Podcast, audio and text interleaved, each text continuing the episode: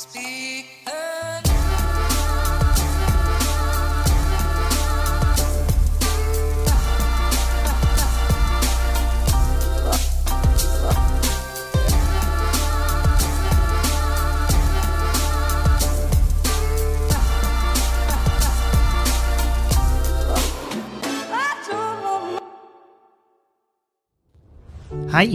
Skal du ut og reise? Fra A til B, eller på langtur? Her hos oss i Norgestaxi stiller vi oss bak policyen 'borte bra, men hjemme best'. Derfor gjør vi alt vi kan for at du skal slippe å nå reisemålet ditt. Nå har vi også fått en app hvor du kan forhåndsbestille taxi i god tid, slik at du garantert mister flyet ditt allerede dagen før du reiser. Helt fantastisk. Ikke reis, bli hjemme med oss i Norgestaxi.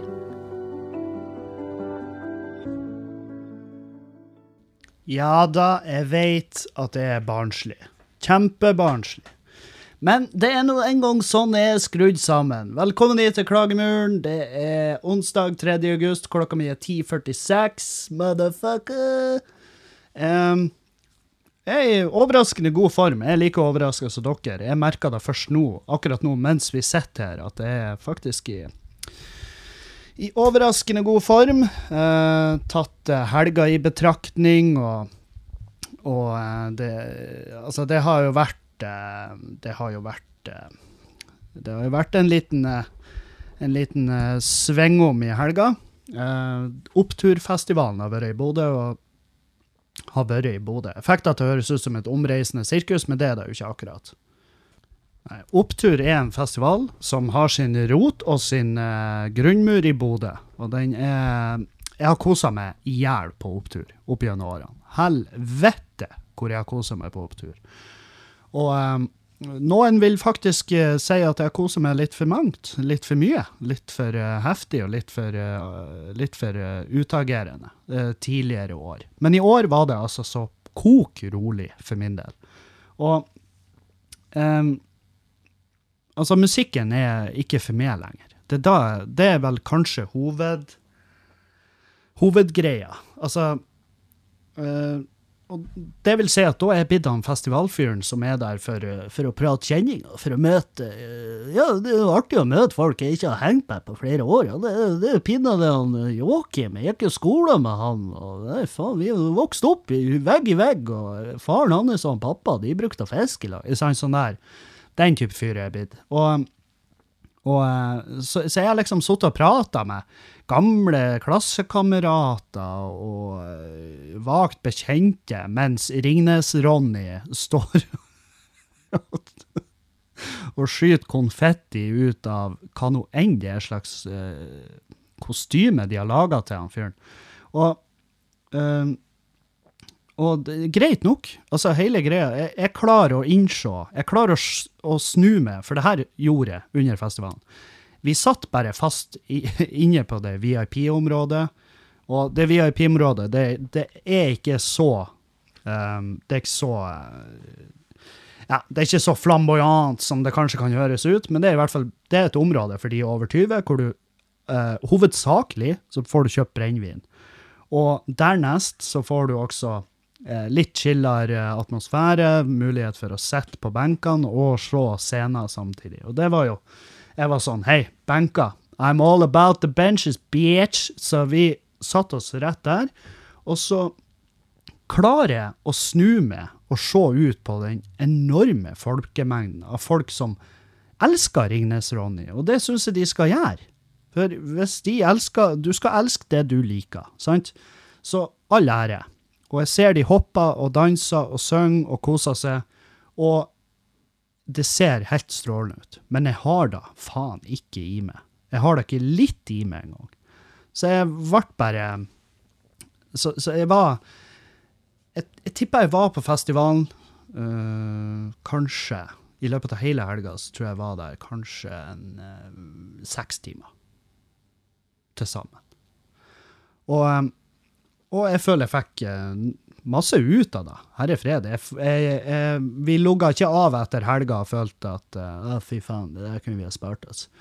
Det er ikke, i hvert fall ikke Julianne. Hun hadde helt annen helg enn meg, så hun er vel strålende fornøyd. Jeg for min del har jo eh, slappa litt mer av og holdt passa væske og den slags. Så jeg har bare, jeg har bare vært der i den leiren der jeg hører hjemme, og så og, eh, og Nei, men all ære til oppturgjengen. Fy faen for et uh, rått arrangement. Og det kan jeg si sjøl om at det ikke er nødvendigvis Jeg er ikke en del av målgruppa. Jeg er 33 år gammel.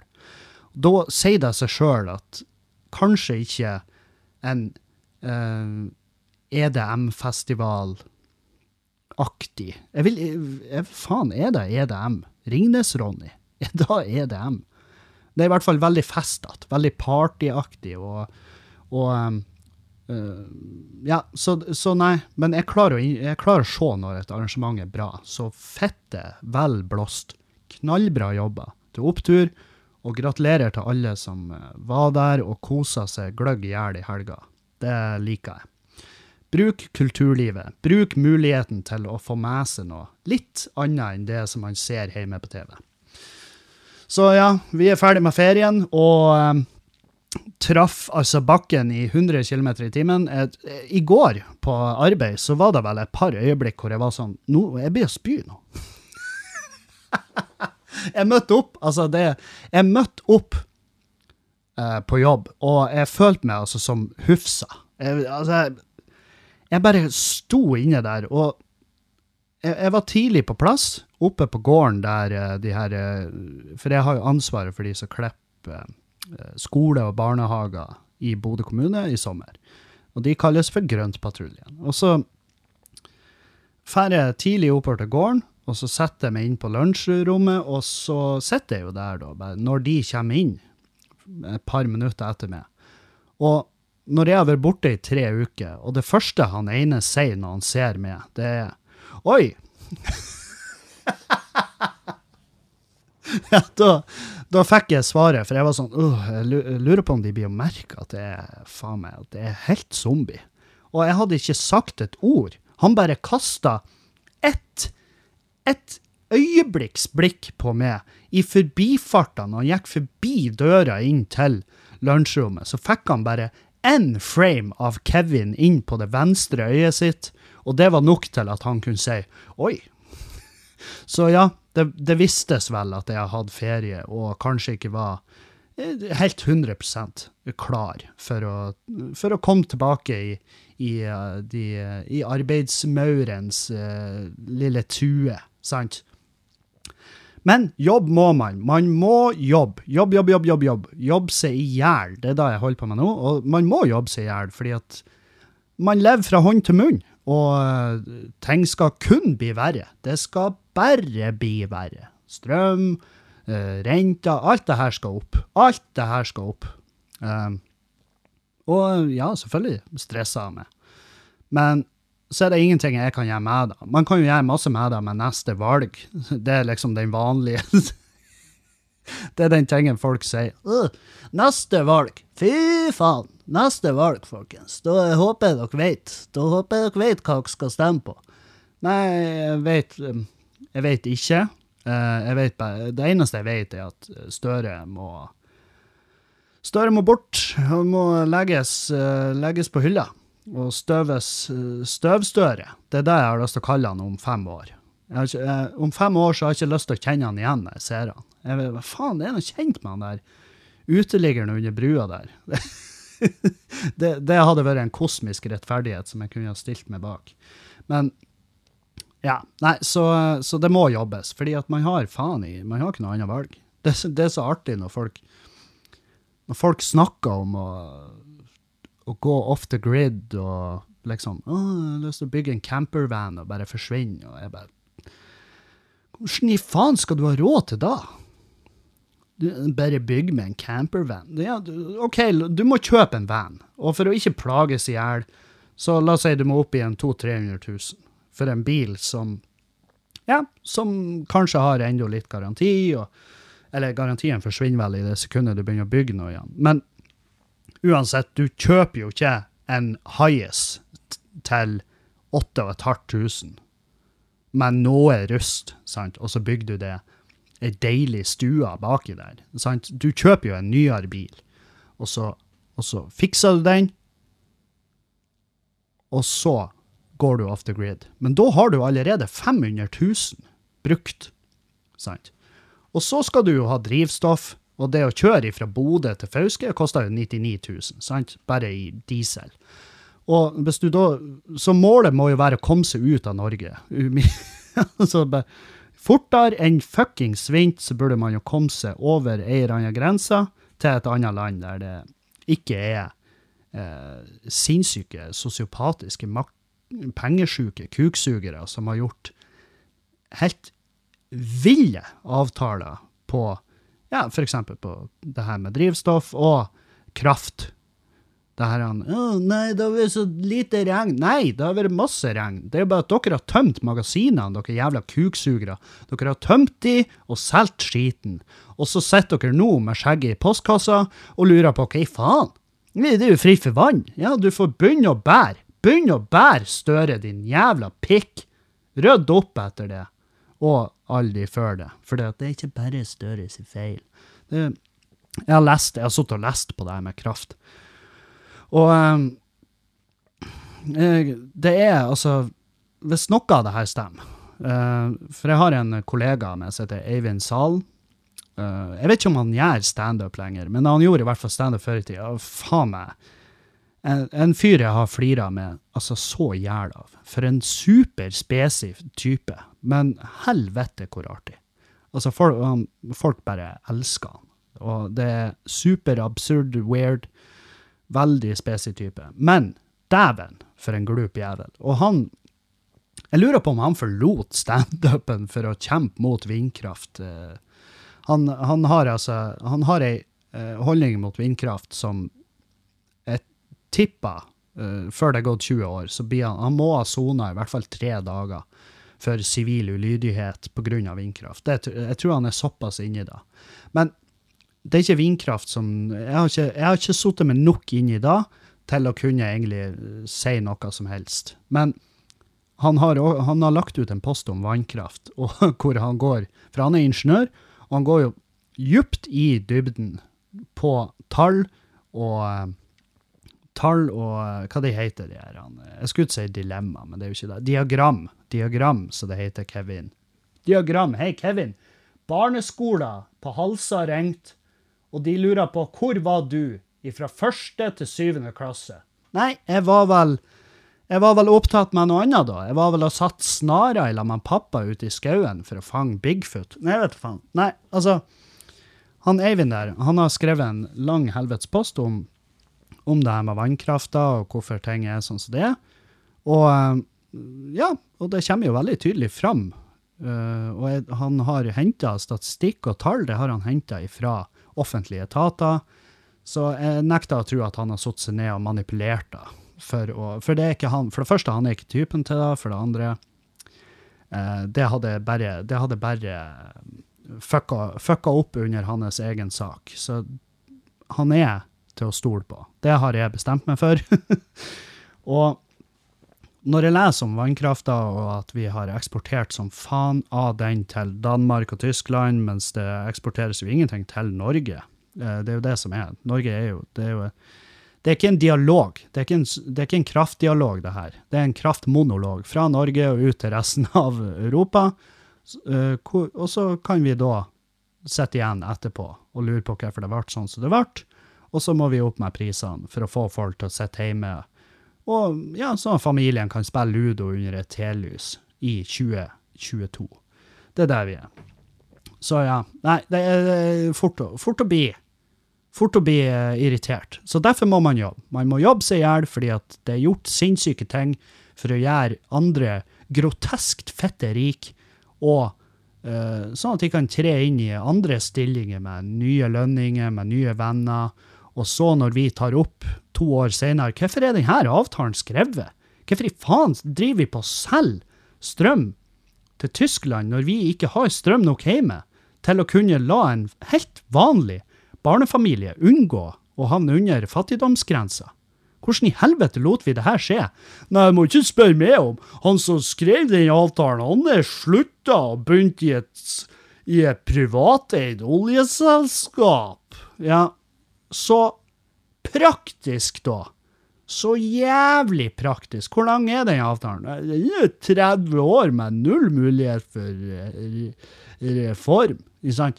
Det, det, kan ikke jeg si med hånda på hjertet, at den er så lang, den avtalen. Jeg vet ikke hvilken avtale det er snakk om. Jeg bare vet at det er gjort, det er gjort uh, diverse grep som fucka den vanlige mannen over i dag. Og kvinne. Og barn. Fucka alle. Alle blir pult. Alle blir pult i sønder og sammen av den situasjonen vi er i. Men, men, men. Vi er alle i samme båt. Er det ikke mye, det ikke mye trøst å finne at når du må selge, når du må si til ungene dine at hei, du må stå opp, lille venn, du må stå opp, for nå skal jeg og du og han pappa og søsknene, vi skal flytte, fordi at Intrum står utfor, og de, banker, og de banker på, de har med seg politiet, og barnevernet er her, og og de skal ta godt vare på dere, mens, mens at han pappa og mamma innreder den enromsleiligheta vi har fått oss i Lillestrøm, for samme prisen som vi betaler for huset. Men nå slipper vi jo ei. Nå kan vi heller leie hos noen andre. Det er jo mye bedre da. Så ja, nei, så det er bare kom dere på jobb. Hut dere på jobb. Og jobb, jobb ræva av dere. Jobb kuken. Jobb halebeinet sunn. Bare jobb dere i hjel. Nå! Det er det som blir sagt snakkes om 80 års person, pensjonsalder. Det er jo det sjukeste jeg har hørt. Skal det ikke være ei jævla gulrot i en av tunnelen? Nei, skal, skal bryte ned kroppen gjennom hele livet. Sånn at en eller annen kraftmegler kan, kan kjøpe seg et, et, et glasstak på villaen sin. Det, det, det, er sånn det føles. Men, men, men, men. Jeg er jo også en av de som Altså, herregud, hadde jeg visst hva de holder på med, hadde jeg visst hva de gjør, så hadde jo jeg vært en av de. Jeg er jo bare bitter fordi at jeg ikke en del av de. Og det tør jeg. Det har jeg null problemer med å innrømme. Jeg har ingen problemer med å innrømme at den eneste grunnen til at jeg er forbanna nå, er fordi at jeg ikke har gjort glupe nok valg til at jeg kunne ja, jeg vet faen, kommer fette rik på GameStop-aksjer, eller, eller selv. Jeg, hadde, hadde, jeg hatt eh, kompetansen og muligheten til å megle strøm, så hadde jo jeg selvfølgelig gjort det. Og jeg hadde solgt til høystbydende for å presse opp mine egne priser her hjemme enda mer, sånn at jeg kan selge kortreist strøm enda dyrere. Selvfølgelig har jeg kommet til å gjort det. Selvfølgelig har jeg kommet til å gjort det. Fordi at det gir jo Strengt tatt så gir jeg jo egentlig faen. Jeg gir jo faen så lenge det ikke går utover meg. Og det er jo eh, ikke en bra egenskap. Jeg skjønner da, jeg skjønner hva jeg sitter og sier her. Jeg skjønner at jeg sitter og sier at jeg er en forpult hykler. Jeg driver med grønnvasking. Jeg gjør alt det her greiene. Men spørsmålet er i hvilken grad skal man gjøre det, og i hvilken grad Ja, og hvor mange?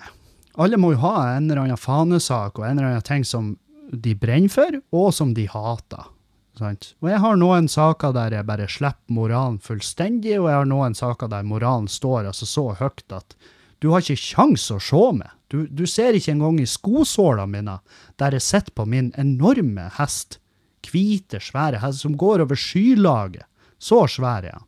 Så Og det her gjelder alle mennesker alle mennesker har en eller annen eh, et eller annet de, de hykler som faen over. Og det syns jeg vi skal ha rett til, fordi det, det, er ingen som er perfekt. Og jo fortere vi bare innser det, jo bedre. For eksempel Stordalen, som reiser mer med privatfly i Skandinavia enn noen andre. Han er i hvert fall på toppen der. Og Uh, han reiser vel for uh, rundt 1000 tonn CO2 i året. og uh, for å illustrere, da, så Så produserer en gjennomsnittlig fossilbil er det vel to tonn CO2 i året. sant? Og så hadde de jo spurt så hadde jeg jo spurt ja, sånn PR, sånn talsperson i Nordic Choice, om det her flybruken til, til Stordalen, og hvordan de kan forsvare det, osv. Om ikke det han gjør, er grønnvasking. Når han ellers i døgnet har så jævla høy fokus på miljø og, og um, kosthold og alt det her greiene. Og da svarer hun talspersonen at det blir urettferdig å si med tanke på det utrettelige arbeid de 13 000 arbeiderne i Nordic Choice-systemet gjør. Og jeg skjønner hvor hun vil, men jeg er ikke enig i at det ikke går an å si. Fordi at det hun sier, er jo egentlig at jeg som hotellgjest får ikke vaska Jeg får ikke rene håndduker eller vaska rommet mitt fordi at Fordi at Stordalen reiser med privatfly når han skal hente posten. Og så, så ja, jeg er, jeg er, bare ikke med på den logikken. At uh, Selvfølgelig må det kunne stilles spørsmål ved det, men jeg skjønner jo også at Stordalen er en type fyr som av og til er behov Altså, det er av og til behov for at han skal være der eller der eller der, sant? Fordi at han styrer det Nordic Choice. Det er hans firma. Det er han som starta det, det er han som eier det. Så selvfølgelig må han ha en finger med i spillet i diverse byer i Norden. Jeg forstår det. Men også mange av her møtene må jo kunne ha vært gjort via Jeg vet faen. Kanskje Zoom. Jeg, jeg tenkte jo da under pandemien at skal vi komme ut av det her med i hvert fall noen fordeler, som. For en litt grønnere møtevirksomhet, og jeg er 100 enig i at du kan ikke, du kan ikke kopiere stemninga som blir i et fysisk rom der alle partene sitter og ser på hverandre. Du kan ikke gjenskape da på en, på en chat eller på et webkamera. Nei, det kan du ikke. Men hvis man, eh, hvis man inngår et kompromiss der, da, sant? hvis man bare inngår et kompromiss som faktisk gjør miljøet en kjempetjeneste, så føler jeg at det kunne vært verdt det. Det, jeg tenker jo da. Men det er nå bare mine tanker, og hvem i faen bryr seg? Jo, dere som hører på, tydeligvis. Dere kommer tilbake. Så nei, jeg jobber. Jobber, jobber, jobber. Jobber med i hjel, sånn at Stordalen kan fly. jeg, føler meg, jeg føler meg som et oppblåst sånn tsunamilik, sant? Har, har, ikke, ikke, google det, men hvis du har sett det, så vet du akkurat hvordan jeg føler meg. Sånn følte jeg meg da jeg kom på jobb i går, og, og um, det, det, blir vel, det blir vel eh, ei røff uke. Men den første Jeg satt og prata med en kollega, det her, og han bare første dagene på jobb etter ferien er ganske harde. Men nei, første måned etter ferien er hardest i verden. Altså, ikke, ikke begrens min uh, Ikke begrens min smerte til et par dager etter ferien. Jeg, jeg forbeholder meg retten til å være i horribel form langt ut i oktober. Det er det jeg tenker. Det er det jeg tenker. Så, så eh, nei, dere får stay tuned for hvordan Farmen eh, opparbeider seg. Jeg arbeider også hjemme. Jeg arbeider på arbeid. Og hvorfor gidder man arbeid når, når verden er på tur å gå under? Vel, det holder meg opptatt. Det er bare en tanke som slo meg i går. Hvorfor står du og graver i hagen og skal sette opp støttemur og masse sånne greier når du Når det har nada å si om 20 år? Vel, om 20 år så har jeg forhåpentligvis noe annet jeg bedriver tida med, men, men det holder meg opptatt, og jeg liker å se at tingene jeg gjør, får det til å se bedre ut her. Og uh, hvem vet, kanskje vi får fiksa det her opp, og en dag hvis vi selger huset, så kan vi bruke fortjenesten, og så kan vi kjøpe oss en campervan og bygge den om for ja, 600 000-700 000. Og så kan vi gå off the grid og forsvinne. Men det får bli da. Inntil da så skal jeg gjøre det jeg kan. Og jeg driver på um, uh, driver på i alle himmelretninger hjemme. Men det er fordi at jeg har ordna med en minigraver. Jeg får med en minigraver på fredag. som ikke, Jeg har ikke kjøpt den, jeg har leid av en privatperson. Men Og da skal jeg få satt opp en støttemur uh, som, uh, som ordner sånn at vi, vi får et par parkeringsplasser mer. Og så får vi også et finere skille mellom parkeringa og eh, hagen vår. Og jeg vet, Det blir litt nerdete, men jeg har nå vel fått en liten interesse for det. da. Så får vi se om jeg klarer å sette opp muren før den interessen dør ut. for det er jo sånn jeg er. Eh, Jeg vet ikke hva det er slags eh, eh, hva det er slags diagnose vi snakker om, men det, jeg får altså så jævlig heftige hangups, og så bare gønner jeg på et par uker, og så blir jeg lei. Og siste, altså i ferien, hva har vi gjort i ferien? Nei, vi har, vi har, vi har ligget og uh, vært sulten, og så har vi løst kryssord. Det er det vi har gjort i ferien. løst masse Donald-kryss. Juliane er kjempeglad i de Donald-kryssordene. Og uh, jeg syns òg de, de er ganske kos. Jeg, jeg, kan, eh, jeg kan ligge lenge og, og fundere og spekulere og, og, og bare prøve å tyde meg fram til hva er det som blir løsninga her. Og jeg husker, jeg husker liksom eh, matriarkene i familien, gamlingene, når de når de løste kryssord. Jeg lurer på om det var farmor som løste kryssord. Hun løste vel uten å skrive det først. Altså hun Jeg skriver ikke kryssordet før at det er ferdigløst. Så hun løste det i hodet først, og så fører hun inn. Og da var jeg sånn OK, det her er, det, det er kryssord for viderekommende. Og hun løste jo sånne kryssord som de har i, i hjemmet og Allers, sant, de her magasinene. Sånne proffkryssord. Jeg- Vi kjøpte sånn her feriekryss i Sloga. En liten, et lite hefte, en brosjyre. Hører dere hvordan jeg lister opp, eh, lister opp synonymer jeg driver på og øver meg. Men vi kjøpte et sånt kryssord, eh. Og, og jeg åpna, og jeg klarte vel tre ord i et av de kryssordene. Så, eh, og så har jeg ikke lyst til å bla for mye tilbake og jukse. For det, det, det er kun det sjøl de lurer, og det er først nå når jeg er 33 at jeg skjønner det. Det er først nå når jeg er 33 at det er sånn Ja, det er først kun meg sjøl jeg lurer. Jeg kan jo lure Julianne òg, men hva faen har jeg igjen for det? Jeg har ingenting igjen for at hun Julianne For da begynner hun å spørre meg. «Men Kan du løse det her ordet? Nei, det kan ikke jeg. Men du løste jo hele det kryssordheftet du kjøpte. Det løste jo på én dag. Ja, jeg var in the zone. Eh, akkurat nå så kan jeg ikke synonymer. Jeg har skrudd av den delen av hjernen. sant? Det har blitt litt vanskelig å komme seg unna med løgn der. At, eh, så, så derfor så gidder ikke å jukse så mye.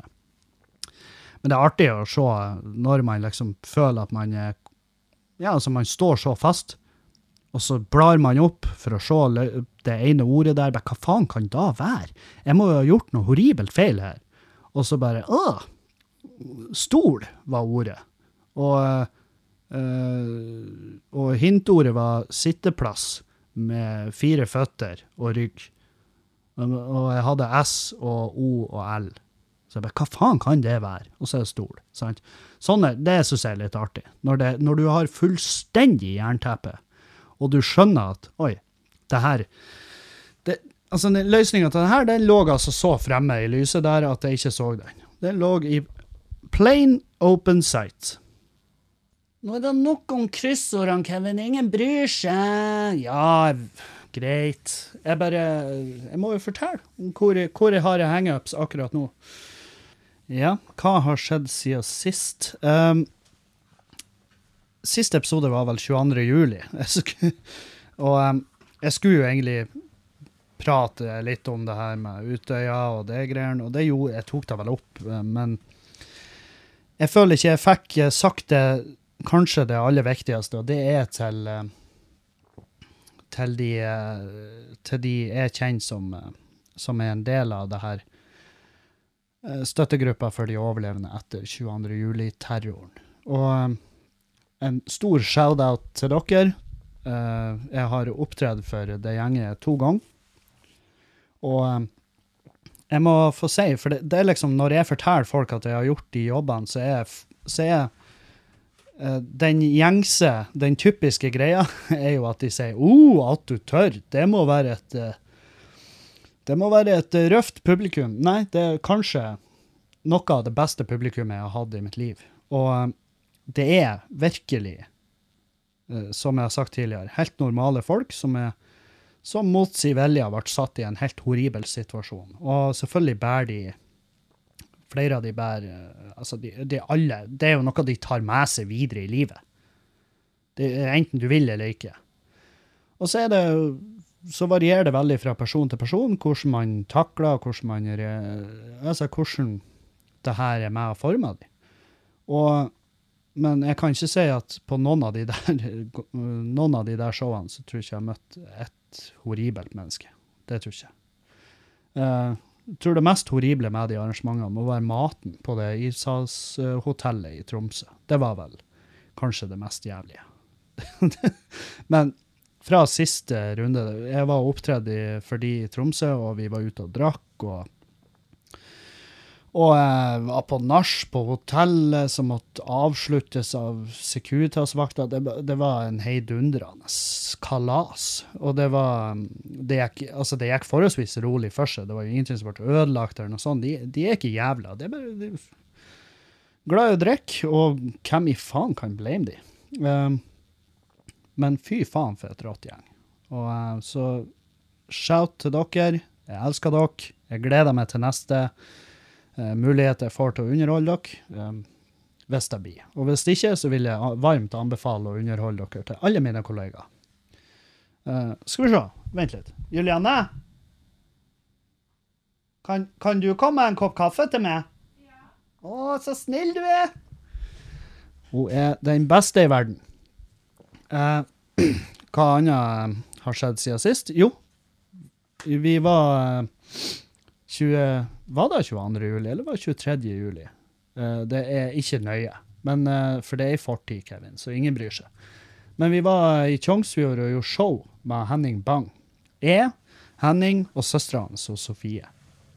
Hun, hun, hadde sin debut på scenen, og Henning hadde sitt uh, første ja, soloopptreden. Så var det jeg og Sofie som varma opp. Og det er jo komme dit, Kevin, at du driver på å varme opp for folk. Ja, ja, ja. Jeg gjør alt. alt for penger. Men sannheten er vel at det, det, her var noe jeg gjorde fordi at jeg er veldig glad i Henning. Henning er uh, lillebroren min, og jeg er ufattelig glad i han. Og herregud, for show.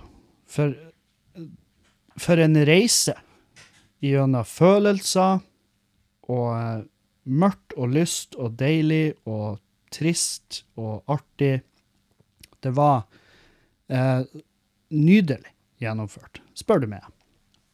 Og lokalbefolkninga var jo helt i hundre, det var smekkfull sal i Tjongsfjorden, det var vel en 210 stykk der. og, og eh, Nei, så det var bare faen meg en helt fantastisk kveld. Og da var det skikkelig bygdefest etterpå, med uh, Snip and Shakers. Som er Jeg vet ikke hvorfor, men det er bare et fantastisk uh, artig, artig bandnavn. Jeg liker det. Jeg synes det, det, det, ruller Jeg syns det smaker godt når jeg sier det. Så Snip and Shakers, vel blåst. Og de holdt jo bra liv i gjengen. De, de spiller skikkelige godlåter. Skikkelig bygdefest. Det var akkurat sånn som det var før i tida. Og det var generasjoner. Det var 99-åringer og det var Ja, jeg skulle si under, under 18, men det var det vel kanskje ikke, for det var salg av alkohol der. Men det var en nydelig fest. Og han pappa har jo han pappa, han pappa har jo hytta hytta, hytta vår på Ågskaret, og det er ti minutter å kjøre ifra Tjongsfjorden, så jeg hadde jo med meg og Julianne, og så for vi bortover, og så gjorde jeg show, og så drakk vi, og så for vi etterpå på hytta. Vi, og vi hadde også med oss ei venninne som heter Charlotte. Uh, og altså, det var et Det var et Det var et slagen gjeng som kjørte de tre timene i bil fra uh, Ågskaret til Bodø på søndagen i forrige uke. Fy til helvete. Det gikk altså så jævlig rolig for seg. Og um, jeg var jeg var sjåfør, og det må jeg være dagen derpå. Jeg hæler ikke å sitte på i bil. Det er det, det er det, verste jeg kan gjøre. Jeg blir bilsjuk fra før av.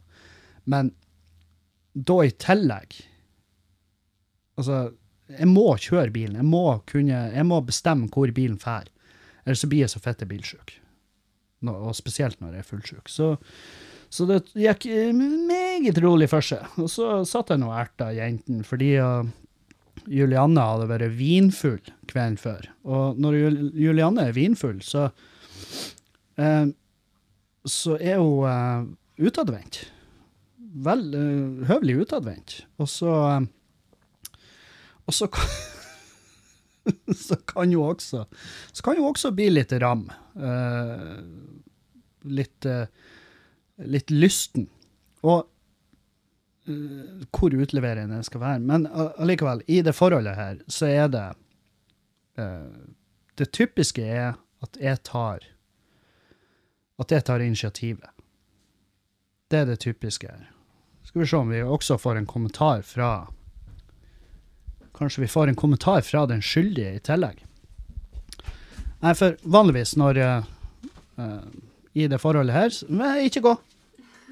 I det forholdet her så er det jo vanligvis jeg som tar initiativet. Men når Julianne drikker vin du, du skjønner hvor jeg skal? Ja. Ja. Hva det er som skjer med det, da? For du, du jeg snakka om Tjongsfjord, at du, øh, du Altså, det var jo eh, Det var jo det som må kunne kalles eh, lettere seksuell traksering. Um, Blir du rød? Hun må av med genseren og begynte å kaldsvette umiddelbart. Men hva er det som skjer med det når du drikker vin? Er det noe med druen? Nei, jeg vet ikke hva som uh, Du har jo lenge sagt at alkoholen har ikke noe å si for uh, hvordan man oppfører seg.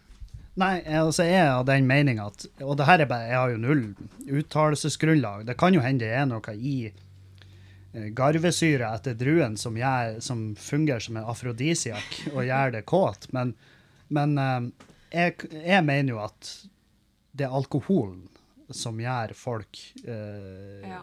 ja, som fjerner hemninger og, og den, ikke hvilken type drue som er brukt i den spesifikke vinen. Det kan jo også være at det er veldig lett å drikke vin. Ja. Jeg får i meg mye av det. Ja, det er sterkt, så du blir fort Ja. du blir ganske, Det er en ganske brattstigende kurve i forhold til når du drikker sider lite. Ja. Så, men har du lyst til, til alle du er seksuelt trakassert i Tjongsfjord, har du lyst til å si noe? Jeg beklager. Ja. Men da er du Hvordan føles det å ha lagt seg flat? Det er weird. Ja. Ja, men det, det er tilpasset åt det. Så håper vi, vi, vi har lært noe. Ja. Nei, så um, jeg skal ikke si noe hvem uh, de, de, de som føler seg truffet, må jo bare gjøre det. Og de som vil anmelde Julianne, får gjøre det. Um, leit. Tafsa litt. Tror hvor, tror hvor mange som nå sitter og hører på det her og tenker faen at ikke jeg var på den festen. Ja, nå kan dere angre. Julianne drikker vin fire ganger i året, så det, det er sånn kvartalsvis greie vi gjør. Takk for kaffen, baby. Ah, jeg er så glad i henne. Jeg er så glad i henne. Men ikke like glad som jeg er i den nye trenden som har kommet. Uh, Segway, Kevin. Ja, vet du, skal vi bruke masse tid på overganger når alle her vet at de er falske uansett? Dere er voksne folk, og brorparten av de som lytter til denne podkasten er smartere enn meg, så dere forstår. Og da trenger ikke vi å bruke masse tid på Segways. Men den nye trenden som er kommet på TikTok, og det er jo på TikTok alt sånn her forbanna joss oppstår. Men akkurat den her syns jeg er litt artig. For det, og det har jo selvfølgelig med underliv å gjøre, og det er det som må til, tydeligvis, for å fange min interesse for TikTok. Og det er en ny greie som er kommet. Eh, nei, det er ikke et duftlys, det er ikke en hårføner i kusa. Det er å bruke vag uh, vaginal lubrikant. altså bruk uh, kortreist saft som parfyme. Det er den nye trenden. Du smører deg sjøl i fjeset med fettsaft, og det er jo helt Det, det er jo fantastisk. Hadde lå løsninga der hele tida? Her har vi stått og Her har vi shoppa Shakira og Jan Paul i, i, i søkk og kav. Og så har vi hatt den beste parfymen noensinne nedi trusa vår hele tida. Og hun ene der på TikTok, hun var sånn Jeg smurte meg i fjeset i går før jeg gikk ut sammen med venninnene mine, og jeg fikk fem drinker av en fyr. Og, og eh, jeg var sånn Jeg tviler på at det hadde noe Med mindre du gikk rundt på puben og sa 'Jeg har smurt meg sjøl i fjeset med fetta mi'. Visste dere da? Hei, du. Hei, hva dere jobber med? Jeg jobber som elektriker. Ja, nok om det. jeg har nå smurt meg i fjeset med musa mi. Det har nå jeg gjort. Så selvfølgelig vil det vekke interessen til en og annen fyr der. Fordi at de er sånn hvis hun smører seg i fjeset med, med dåser, hva, eh, hva annet sjukt er hun med på?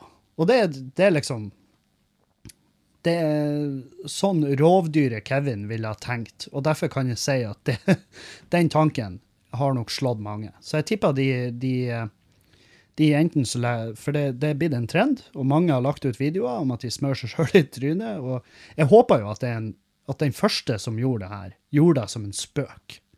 Og så har det bare tatt tak. Og så har folk begynt å tro på det. For jeg tror ikke, og det her nok en gang uttaler meg med nada grunnlag, men jeg forstår ikke hvordan det skal kunne tiltrekke seg en partner. Og jeg spurte Julianne kan jeg få lov Kan jeg få låne litt parfyme av det. For jeg vet at min, mitt underliv skal ikke smøres noen som helst plass. For mitt underliv, det er, ja, det er noe annet.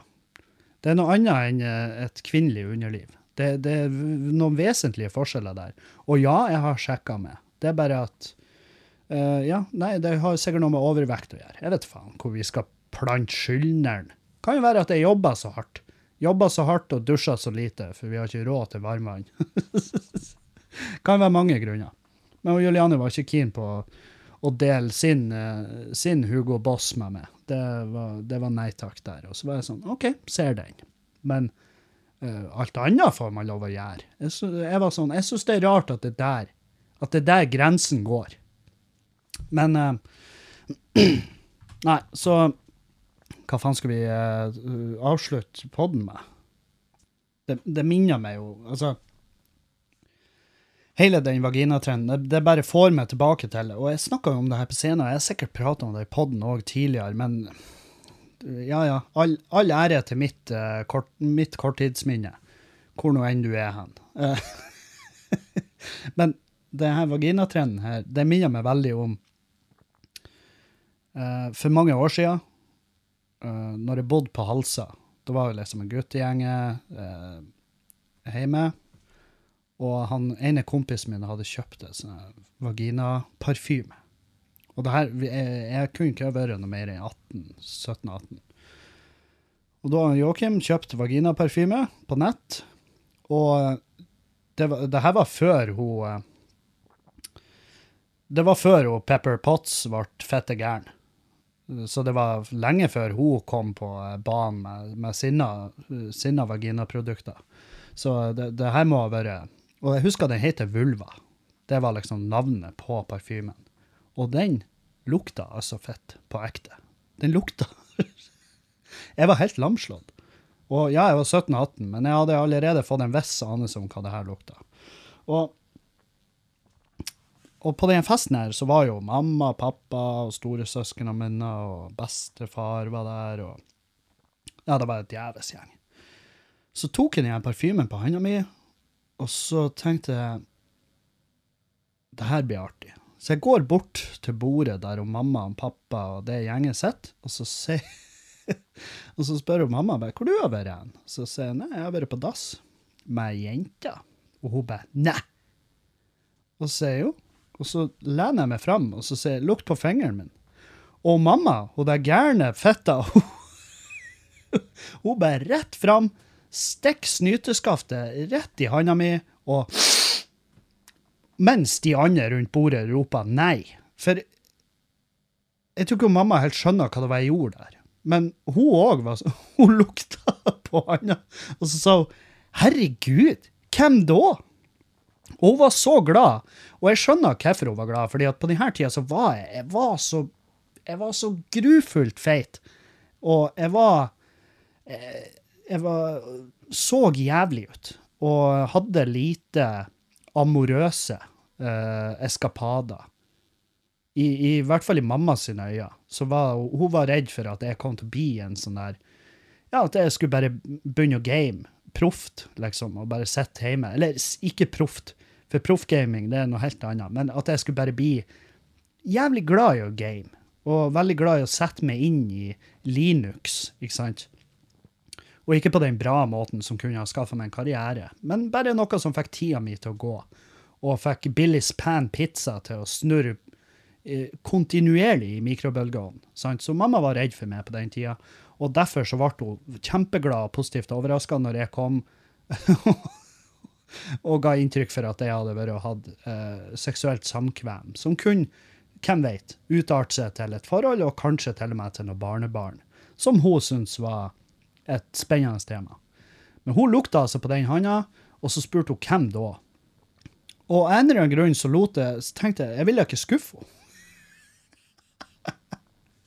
så jeg snudde meg, jeg snudde meg ut i salen, og så ser jeg jo Marita, som jeg gikk i klasse med. Og Marita er ei kjempegod venninne av meg, som jeg elsker på ekte. Altså, hun er bare et genuint fette bra menneske. Og så får jeg øyekontakt med henne, og hun gjør som hun bestandig gjør. Hun smiler og vinker, og jeg bare smiler og vinker tilbake, og mamma trodde jo da at det var Marita. Og mamma var så glad. Hun var altså så fette glad. Og jeg tror ikke jeg har sagt det her til hun, Marita. Jeg tror ikke jeg har sagt at jeg heiv henne under bussen og, og løy til mamma at jeg hadde vært på dass med henne. Og det, for de som måtte lure, så har ikke jeg vært på dass med Marita. Det har ikke jeg. Jeg har vel, jeg har vel spurt, og hun takka vel høflig nei. Så, men jeg tror ikke det var på samme festen. Men uansett, det var altså så fette sinnssykt gjort. og jeg husker at pappa bare så på meg, og det, han rista på hodet på en sånn måte at jeg fikk vondt i meg. For det var altså et så nedrig blikk han hadde til meg da, og dømmende, at jeg, jeg bare OK, jeg tar den på min kappa. Det er kanskje litt seint, men jeg tar den, og jeg skal ikke gjøre det igjen.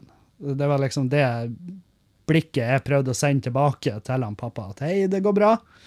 Eh, Jeg, jeg, jeg har lært, men eh, har vi lært? Neppe. Eh, Det var jo det var andre tider, og det var også mye mer vanlig å vitse om Altså, på denne tida der, jeg hadde virkelig ingen, ingen grenser. Det var ingen moralske skrupler som sto i veien for at jeg skulle vitse om både det ene og det andre. Så det der, det tok, det tok jeg Det la jeg rett på CV-en over vel gjennomførte spøker som jeg har gjort. Typisk Kevin. Eh, nå skjer det jo ikke noe til denne helga. Um, denne helga skal jeg bare være hjemme og jobbe, og det blir jo også fette deilig, fordi at eh, neste uke så er det vel Er det ikke neste uke det er Parkenfestival, og det har vi billetter til, og det gleder jeg meg, det gleder jeg meg på ekte sinnssykt masse til. Og det er fordi at der er det masse artister som jeg elsker. Altså, jeg får nesten ikke sove med tanke på at jeg snart skal se Røyksopp igjen live. For Røyksopp live er vel eh, på ekte noe av det, av det beste jeg har vært med på. Det siste jeg så de, og det var også i parken, det var altså faen meg, det var en religiøs opplevelse. Og det var også den første religiøse musikkopplevelsen jeg har hatt. Og da var jeg, jeg, var, jeg var full. Jeg var full. Eh, I senere tid så har jeg vel hatt eh, opplevelser med hjelp av eksempel det å, altså, du har, du, du kan si hva faen du vil, men du har, i mine øyne og i mitt liv, så har du strengt tatt, du har ikke hørt på musikk, hvis du ikke har hørt det på sopp eller weed eller LSD.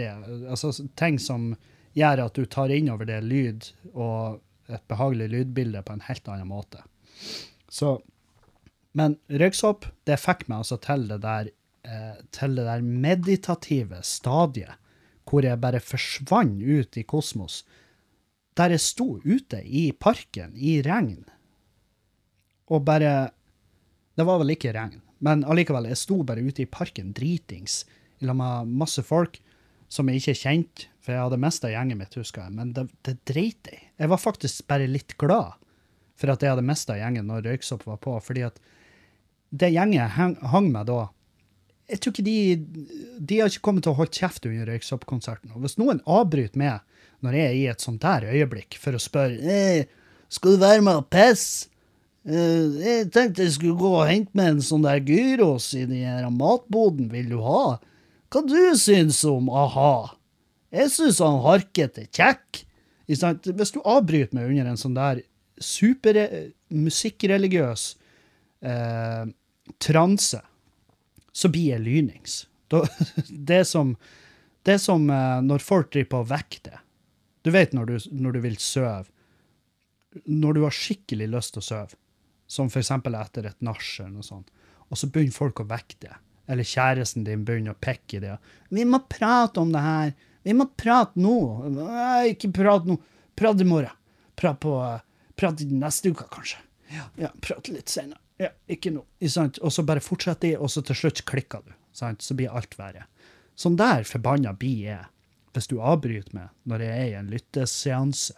Og jeg skjønner at jeg hiver jo bensin på bålet nå, og at enhver lytter som ser meg i løpet av Parkenfestivalen, vil jo komme og dytte meg. Men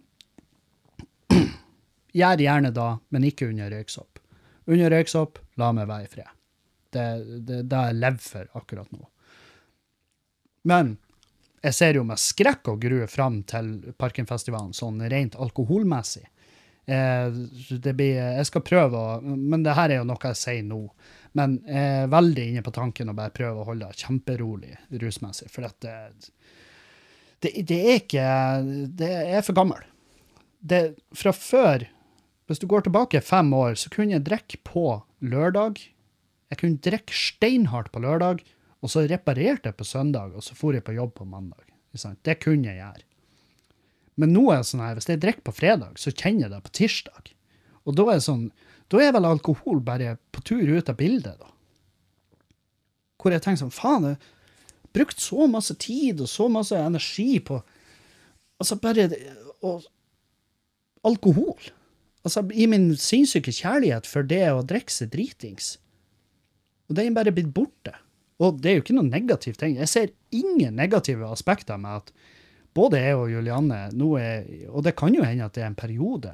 Og ja, vi tar oss jo en fest og koser oss, og av og til så, så går det over stokk og stein, og så kan vi dagen etter si helvete, vi var faktisk kjempedritings i går. Det, det er helt nydelig da, men, men det her, det her å leve for helga, sånn at vi kan drikke mest mulig på fredag og lørdag, og så jobb gjennom uka og repeat, det, det, det, den tida er over. altså. og det er jo bare naturlig med tanke på alderen. Men uh, Nei, jeg vet jeg prater mye om det her, men poenget mitt altså, Jeg er bare så slått i bakken av hvor fort jeg har blitt bevisst Hvor plutselig og hvor fort jeg har blitt bevisst over min egen alder. Det er da som skremmer. For jeg håper ikke det blir verre enn det er nå. Fordi at der jeg er nå, vil jeg påstå er det minner meg veldig om en midtlivskrise. Det er sånn de forklarer midtlivskrise. Og jeg prata nå, jeg hadde en pod, uh, eh, podkast med han Erlend Osnes i forrige uke, og da prata vi mye om den tematikken. Og, uh, han ga meg jo noen han ga meg noen velvalgte og uh, fine, fine anekdoter der som, som hjalp på den frykten. Ja, sånn irrasjonell frykt å bare få ut av det blå. Og det er jo også kjempevanlig. Det er tekstbok. Men jeg har jo ikke vært på tanken om å kjøpe meg motorsykkel. Jeg har liksom ikke jeg har ikke et behov for å hoppe i fallskjerm. Jeg, har, jeg, eh, jeg ser fortsatt på folk på rulleski og tenker hva kan du ikke løse det der med en sykkel? Eh, det, det, er uh, Det er masse av de greiene som uteblir foreløpig. Og jeg nekter å tro at de kommer heller seinere. Og motorsykkel det er en sånn greie jeg bare instinktivt hele mitt liv har vært imot, fordi at jeg har øh, vært øh, responderende til bilulykker med motorsykkel, og jeg har hatt øh, folk som jeg kjenner, som har øh, ikke kjørt seg i hjel. Jeg, jeg tror ikke jeg kjenner noen som har kjørt seg i hjel på motorsykkel. Men jeg kjenner i hvert fall folk som, har, som ikke er den samme personen i dag pga. ulykker på motorsykkel. Og, og, ja, og jeg har hatt bekjente som har kjørt seg i hjel. Og, og, det er altså så fette grusomt. Det er altså fordi at du uh, fiser jo av gårde, ute i det blå, gjerne i 200 km i timen, med en hjelm på det. Og en liten, en liten kjeledress. Har du vært og kjøpt en kjeledress, du, da? Ja. Og den er gjev, den. Den er kjempefin hvis du sklir av. Hvis du legger ned sykkelen og furer bortover asfalten, sånn som de, de gjør i MotoGP, når det som regel bare går helt fint. Men uh, det er ikke så det, vel, det, hører vel sjeldenhetene til at de ulykkene er så fine som det der. For eh, blir aldri å glemme han der fyren Altså, når de løfter han i motorsykkeldressen, og du bare så at det her, det er jo ikke et bein igjen i kroppen, så tenkte jeg jeg skal faen meg aldri sette meg på en motorsykkel. Ikke helvete! Og han pappa har motorsykkel, og Nikolai, som en av mine beste venner har motorsykkel, og kjerringa hans har motorsykkel, og Julianne syns motorsykkel er sexy og stilig, og det går fort, og det er spennende. Men uh, det er ikke meg, ass. Det er ikke meg. Og jeg ser Altså, jeg hæler ikke skinn. Jeg syns skinn lukter stygt. Det er en horribel, en horribel bransje. Eh, og jeg, jeg kler ikke skinn. Og det virker tett og varmt, og så nei takk. Eh, og hva skulle jeg ha på meg, da? Jeg kan jo ikke kjøre rundt i en strekkagenser. Det er ikke nok.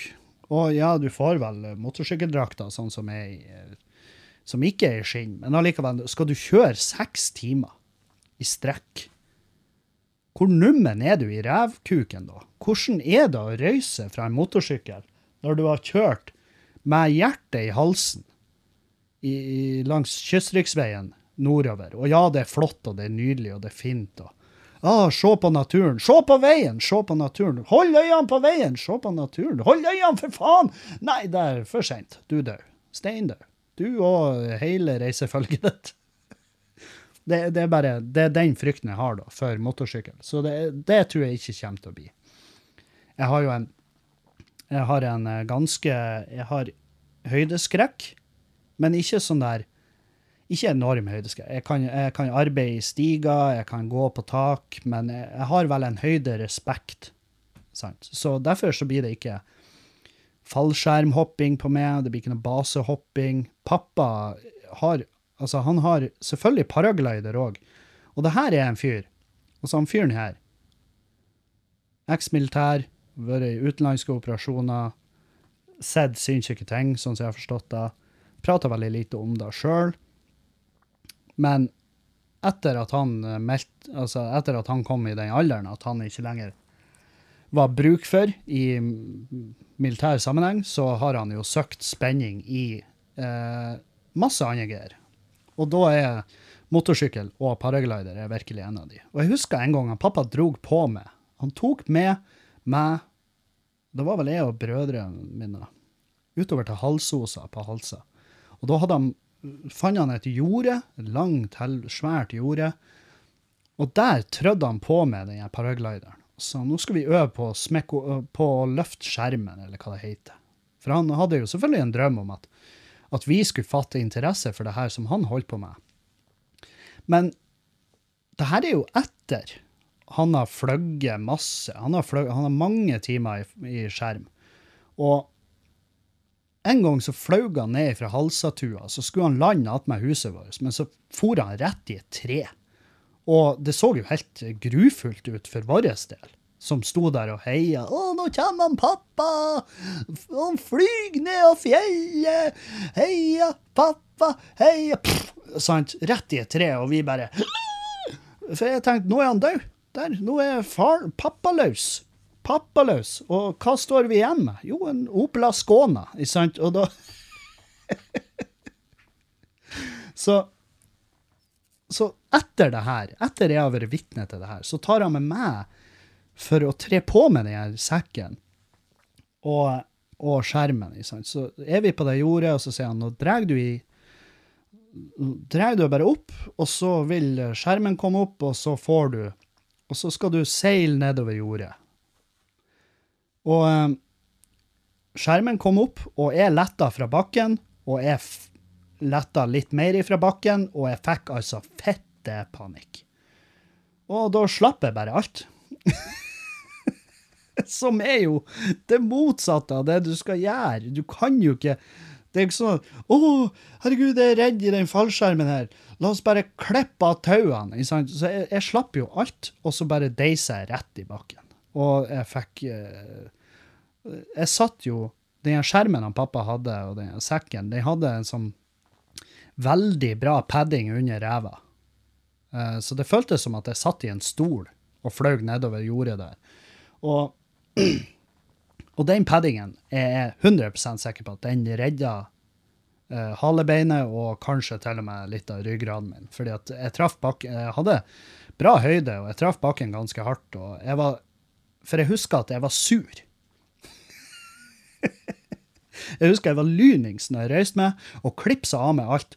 Og jeg, tenk, jeg husker jeg tenkte sånn her hvis, Er det ikke meninga at han skal ta med meg opp i en sånn tandemgreie? Er, er det ikke sånn man lærer seg å fly? Det er vel ikke sånn at de bare dytter det av gårde og bare Ja, ja, kjem, kjem du tilbake igjen, så var det jo en vellykka tur. Og hvis du ikke gjør det, ja, da var ikke paragliding for det.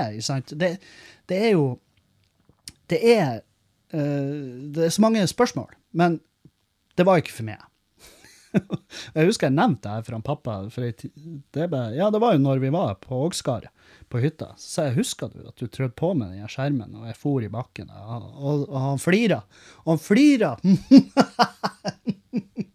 ja, ja, stemmer det. Som et av de flotteste minnene. Men eh, ja. Men vi hadde jo eh, Vi hadde jo skyting. Jeg og pappa, vi og han Christer, for så vidt, eh, lillebroren min, vi drev jo på med skyting ganske lenge. Og pappa var jo flink å skyte, og jeg var flink å skyte, og Christer var det. Og, og, eh, og jeg husker pappa var sånn Du kan jo bli skarpskytter, liksom. I militæret, hvis du vil. Og jeg var sånn OK, ja, hvis det hvis det resulterer i at du gir meg en klem og sier at du er glad i meg, så, så, så er jeg game.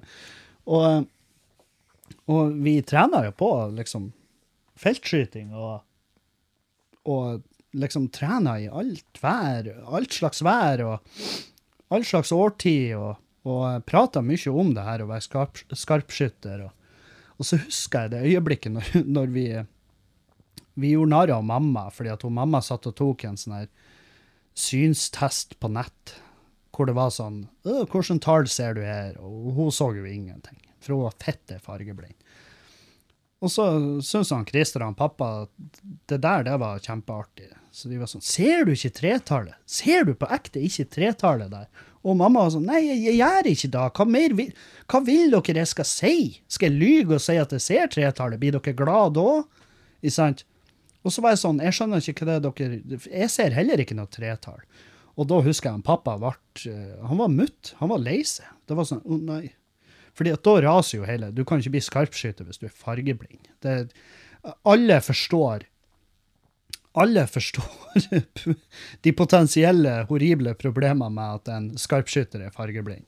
Sant? Så, samme som den typiske bombetekniker og piloter. Du, du vil at de her motherfuckerne her skal ha fargesynet på stell. Og jeg er ikke en av de, så da røyk den, uh, den drømmen om drømmen om skarpskytter i militæret. Det var jo ikke en så stor drøm for min del, og jeg er veldig glad for at det ikke gikk den veien, fordi at jeg hadde hatt problemer i dag hvis Generelt men jeg hadde hatt problemer i dag hvis jeg hadde deltatt i det Norge har gjort i Irak, Afghanistan, Libya osv. osv.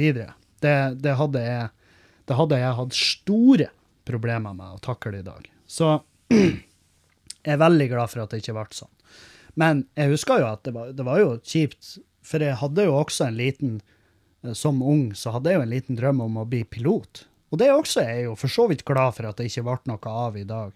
Fordi at Ja, det, sånn som jeg, sånn jeg har lest kommentarene fra SAS-pilotene, så virker det ikke som en så jævla nice jobb lenger. Det var kjempelenge det ytterste statussymbol hvis du var pilot, men jeg for min del, nå i dag, Uh, kunne jeg ikke tenkt meg å være, da. For det er faen meg Snakker om utakknemlig Snakker om utakknemlig bransje. Folk er jo slutta å klappe òg når vi lander. Hva faen, tror dere det er lett å lande et fly?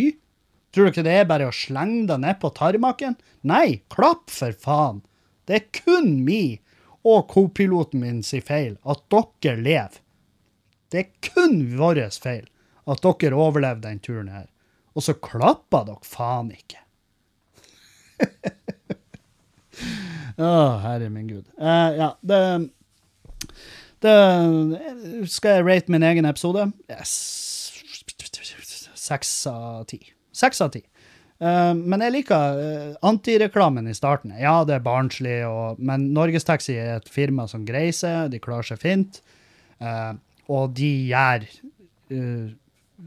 Jeg har ingen beef med de. Jeg, jeg har tatt taxi med Norgestaxi siden Vi tok en Norgestaxi i helga fra opptur, og den taxien var jo ubestridelig der fysisk. Og jeg var sånn 'Hvor var du?' når jeg skulle til Bergen, og han sa 'Jeg sto i dusjen'.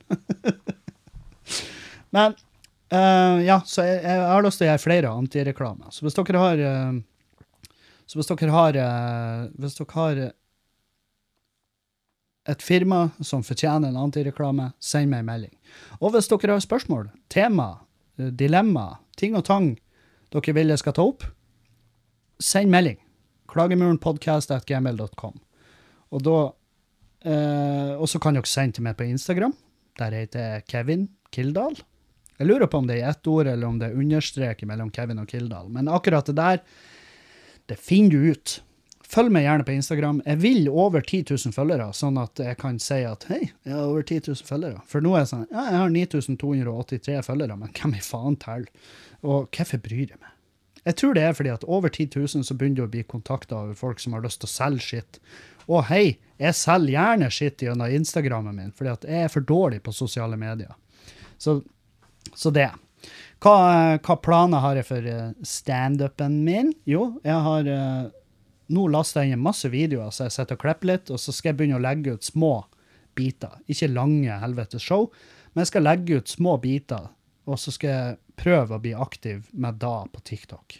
Det er et sosiale medier-mål jeg har. Og det er fordi at jeg trenger å følge litt med i ja, altså, hvor det går. Fordi at flere av dere lyttere har sendt meg melding med teorier om hvorfor jeg føler meg plutselig så jævla gammel. Og det er ikke fordi at jeg plutselig er blitt gammel, det er fordi at jeg har droppa ballen når det gjelder å følge med på hva som skjer rundt meg. Og det har jeg snakka om lenge, langt og lenge, om at jeg, jeg følger ikke med på nyheter lenger, fordi at det er trasig det som foregår i Russland og Ukraina, og det er trasig det som foregår mellom Kina og Taiwan, og det er trasig Det er trasighet overalt. Det er trasighet overalt. Og jo lenger jeg dykker ned i arkivet, så innser jeg at ja, kanskje ikke vi Vi er, vi er jo ikke det, beste landet i verden når det gjelder noe. Verken klima eller penger eller eh, moral. Altså, vi, vi har handla Vi har støtta den russiske krigføringa med over én milliard kroner bare i år. Fordi, altså, vi har handla fisk fra russiske trålere for over én milliard i år. Så mens vi hyler og skriker om at folk må stenge gasskraner og og dere må ikke handle russisk vodka. Det heter ikke lenger Moskva-mjul, det heter Kyv-mjul. Ja, men allikevel så har vi pumpa én milliard inn i det, maskin, det enorme verket av, av, et, av et grufullt farlig land. Så ja, og det, når jeg da har kobla meg ut av nyhetene, så mister jeg litt tråden i hva som foregår der. Jeg forstår meg ikke på TikTok. Julianne pusha meg litt, heldigvis. Hun er flink. Men hun pusha meg litt, og sier at du, du, du, må bare begynne. Du må bare begynne, og så ta deg derifra. Og da tenker jeg at eh, ja, det er en god idé. Det er jo bare å prøve. Jeg kan, ikke, jeg kan ikke være best i det. Og det kommer jeg aldri heller til å bli, men jeg kan i hvert fall være til stede. Og så kan jeg, de som synes at jeg er en trist, gammel mann på TikTok, de må jo bare si det. Men jeg har jo ikke tenkt å lage jeg skal jo ikke stå og danse. «Åh, fem ting jeg ser etter i, i en kjæreste. Mm, mm, mm. Kommunikasjon, bra sexliv så skal jeg liksom peke på ordene etter hvert så de kommer fram. Det er altså faen meg noe av det mest tarvelige pisset jeg har sett i hele mitt liv. Og de er sjelden bra. Det er sjelden overraskende, og det gir meg ingen jævla ting. Men det funka, tydeligvis. Men jeg kan jo legge ut korte snutter at jeg gjør standup på scenen. Det er jo da jeg har, og det er da jeg kan bringe til bordet. Jeg kan legge ut en og annen rantevideo hvis det er noe som irriterer meg ekstra mye. Og noen kan dra en eller annen viss form for interesse ut ifra da, men det er liksom Der stopper det. Det ser jeg for meg. Og det er da jeg sier nå, men hvem i faen veit? Typisk med å få skikkelig hangup i det. Så om to måneder så driver jeg min egen Å, matlaging med Kevin. Kevin lager mat stein. Kan, vil dere tune inn på det? Ja, det vil jeg sikkert noen ha tuna inn på, for en god latter, og for å se hvor fette tregt det går på kjøkkenet. Men eh, jeg er åpen for eh, alle ideer. Og jeg tror også de antireklamegreiene, det har vært artig hvis det har vært en fast greie. Så vær så snill å sende meg eh, linker til hvorfor det her firmaet fortjener en liten antireklame. Og så skal jeg prøve å lage det, så hvis det blir en artig greie, så fortsetter vi med det. Hvis ikke, så blir det bare Så dør det. Dør det en stille og rolig død i krybba. Um, og det var det jeg hadde for dere denne uka. Tusen hjertelig takk for meg. Jeg er veldig glad i dere. Og så høres vi igjen. Og for dere på Patrion, så høres vi igjen uh, uh, på torsdag. eh, har jeg en avtale med han Erlend Osnes igjen. Så eh, tune inn. Og for dere som ikke har sett Skamløs, så ligger det på Vimeo. Vimeo.com. Søk Kevin Kildahl Skamløs. Kevin Kildahl. Jeg tror det kommer opp da. Så kan dere leie eller kjøpe showet der. Og der kan dere også leie og kjøpe showet til han Erlend Osnes og til han Dag Sørås. Og mange, mange flere. Så gjør det. Gjør det nå! Hva faen har du å tape? Ingenting. Jo, selvfølgelig de pengene det koster, men hvis du føler det er verdt det, så er det jo verdt det. Hvis du ikke føler det er verdt det, nei, da er det ikke for det. Og det er en ærlig sak. Vi høres igjen. Adjø, adjø, og auf Wiedersehen!